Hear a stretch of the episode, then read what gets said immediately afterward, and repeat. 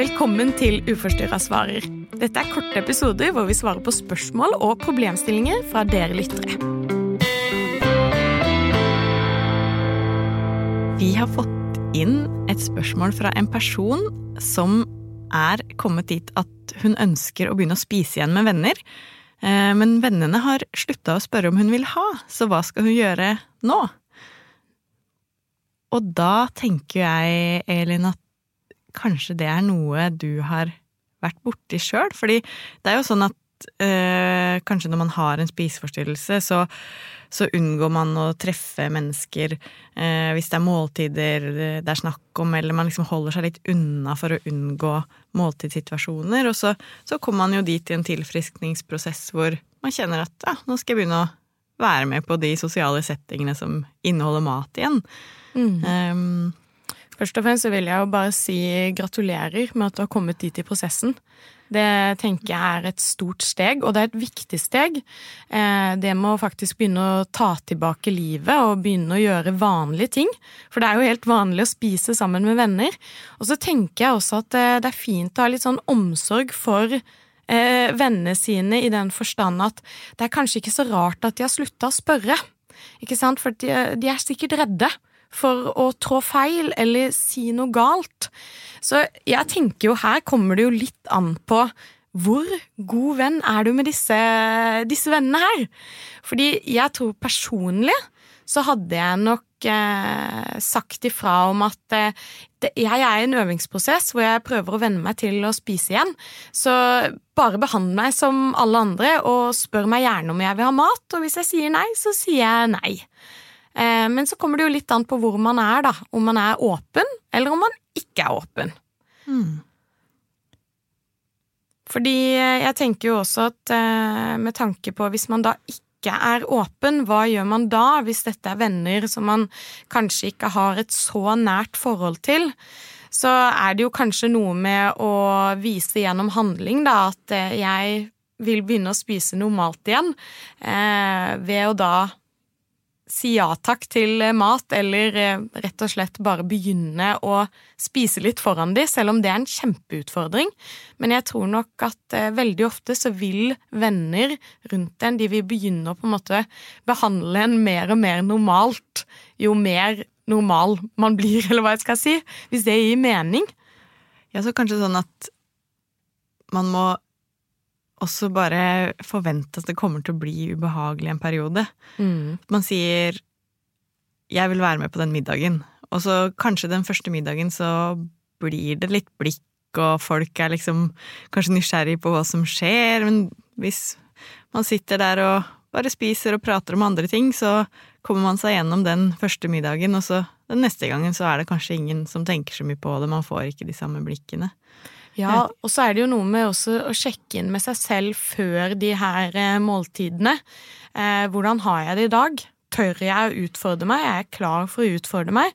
Og hvis det så er at man ikke er så klar for det, så kanskje man bør tenke litt på forhånd. Ok, eh, kanskje jeg skal bestille meg eh, bare en forrett, eller kanskje jeg skal ta med meg egen mat. Selv om det kan føles veldig merkelig for en, så er det liksom noe med å starte i passe tempo, da.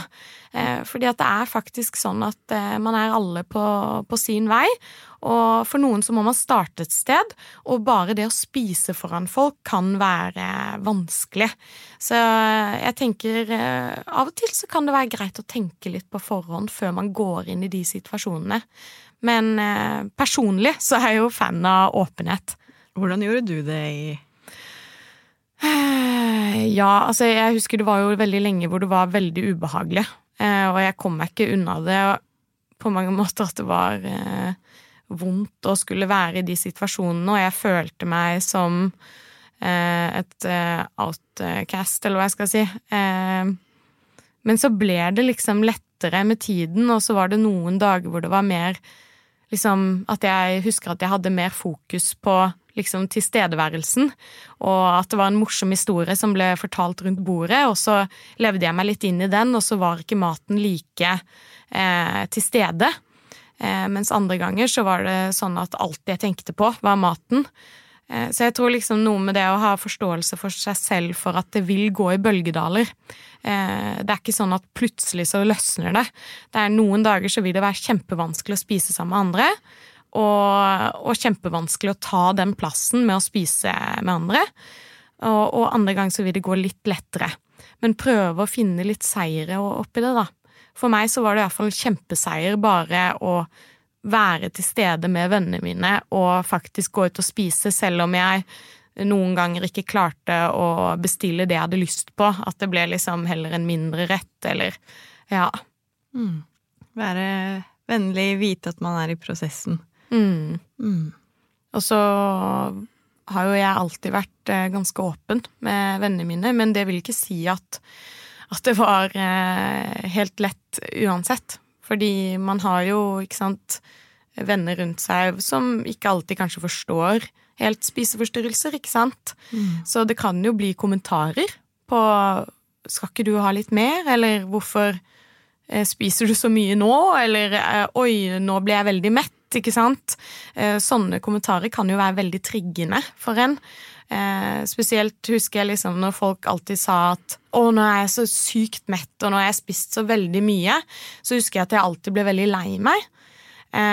Så jeg tenker jo liksom akkurat de situasjonene som er liksom stereotypiske, er kanskje lurt å bare tenke litt på på forhånd. At, at, det er en slags sånn vanlig kommentar som veldig mange i samfunnet har.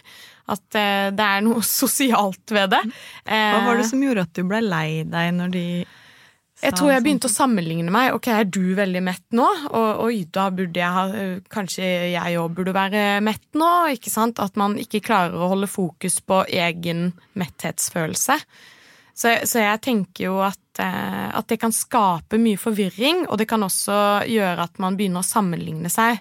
Eh, at eh, hvis dere er mette nå, så burde jeg være mett, ikke sant. Og egentlig ideelt sett så tenker jeg jo at, at det er på en måte kommentarer som vi egentlig bare Altså, de er jo veldig sånn unødvendige. Man trenger jo ikke alltid drive og snakke om at man eh, blir veldig mett, eller 'nå har jeg spist for mye', ikke sant. Mm. Så der tenker jeg jo at det er fint å bytte tema. Men det er jo ikke så lett når man sitter midt oppi stormen selv. Mm. Det er nesten også, Når du snakker, så tenker jeg sånn Man kan nesten bruke den eh, anledningen å skulle begynne å spise sammen med venner som en sånn oppdagelsesreise eh, om seg selv i en situasjon. At man får masse forskjellige inntrykk som man kan ta med seg hjem etterpå og snakke med enten behandleren sin om, eller en annen person som man er åpen med, eller skriver med i dagboka. Liksom 'Dette skjedde med meg i dag, og mm. det var vondt når det skjedde', 'Det var veldig bra når det skjedde'. At man kan, mm. kan ta en sånn oppsummering i etterkant, da. Ja. Um, det syns jeg høres veldig fornuftig ut. Så kan man fra gang til gang eventuelt legge inn ting man kan øve seg på, eller mm. um, oppdage hva som føles annerledes neste gang, for eksempel. Mm. Um, jeg begynte å tenke på den første gangen jeg var ute og spiste da jeg begynte å bli frisk fra ME, som er kronisk utmattelsessyndrom. Som var jo sånn at jeg var jo ikke redd for maten vi skulle spise, den brydde jeg meg ikke så mye om, men jeg var kjemperedd fordi at jeg var så langt unna senga mi hvor jeg kunne legge meg ned. Sånn at hele den middagen så satt jeg bare og tenkte på hvor langt jeg var unna senga mi, og at det var dritskummelt. Eh, men jeg kom meg på en måte gjennom, eh, og kom meg hjem og oppdaga at jeg overlevde, eller hva jeg skal si. Mm. Det gikk an. Eh, og så fortsatte jeg da med ja, kanskje neste dag eller noen dager etter så var jeg på en ny restaurantrunde som var mindre mm. skummel, da. og så begynner jeg å tenke på alle har liksom sitt, så kanskje mm. den middagen eh, som man gruer seg til pga. maten? Er det kanskje noen andre som gruer seg til pga. Det sosiale? Ja. ja. De, vet, altså, de, har noe annet som, eh, de, som plager dem, da. Så Ja, ja sånn var det det, men ja, og så tenker jeg jo med tanke på, på, det her med at eh, For det veldig mange sier jo det at jeg er så redd for kommentarene og fokuset det blir på mat under måltidet. Og der tenker jeg jo også sånn som du sier, ikke sant? det der med å være litt sånn nysgjerrig på seg selv. Hvordan reagerer jeg når noen har den kommentaren eller den kommentaren? At faktumet er jo at vi kan ikke styre alle andre rundt oss når det kommer til kommentarer og sånt. Men det er jo helt genialt å kunne da snakke med noen om det i etterkant. Mm. Og være litt nysgjerrig på seg selv, og, og prøve å også møte seg selv med, med, med, godhet for at det er ting som kan uh, bli sårt da, i de mm. her situasjonene. Og det betyr ikke at man skal gå ut derfra og bære på det helt alene. Mm. Nei, det gjør det ikke. Så det er alltid lurt, tenker jeg, å ha kanskje en en, en uh, sammensvoren, en som er liksom med på sida, mm. om det er en forelder eller venn eller behandler eller Ja, og sånn er det jo mm. ofte med de jeg samtaler med på ROS også. Det er en typisk situasjon hvor uh, noen skal ut og spise, gruer seg, uh, har veldig mange tanker rundt hva som kommer til å gå galt, ikke sant? og da bruker jeg alltid å si at ok, da snakker vi litt om det, de ulike momentene som du er bekymra for. Og så ser vi litt på hva kan du gjøre, og eventuelt da etterpå så vet vi at vi har en avtale på at da skal vi snakkes igjen, og så skal vi se hvordan det gikk. Mm. Ja. Så kan vi jo ikke, siden vi ikke kjenner personen som har sendt inn denne problemstillingen og spørsmålet, så kan vi jo på en måte ikke gi et fasitsvar. Um, vi håper at det har vært nyttig at vi snakka litt rundt det. Mm. Um, tenker jeg Hvis man virkelig Altså hvis man sitter og savner invitasjoner til venner, og, og blir invitert til middager, så er det jo også en mulighet til å invitere til noe selv.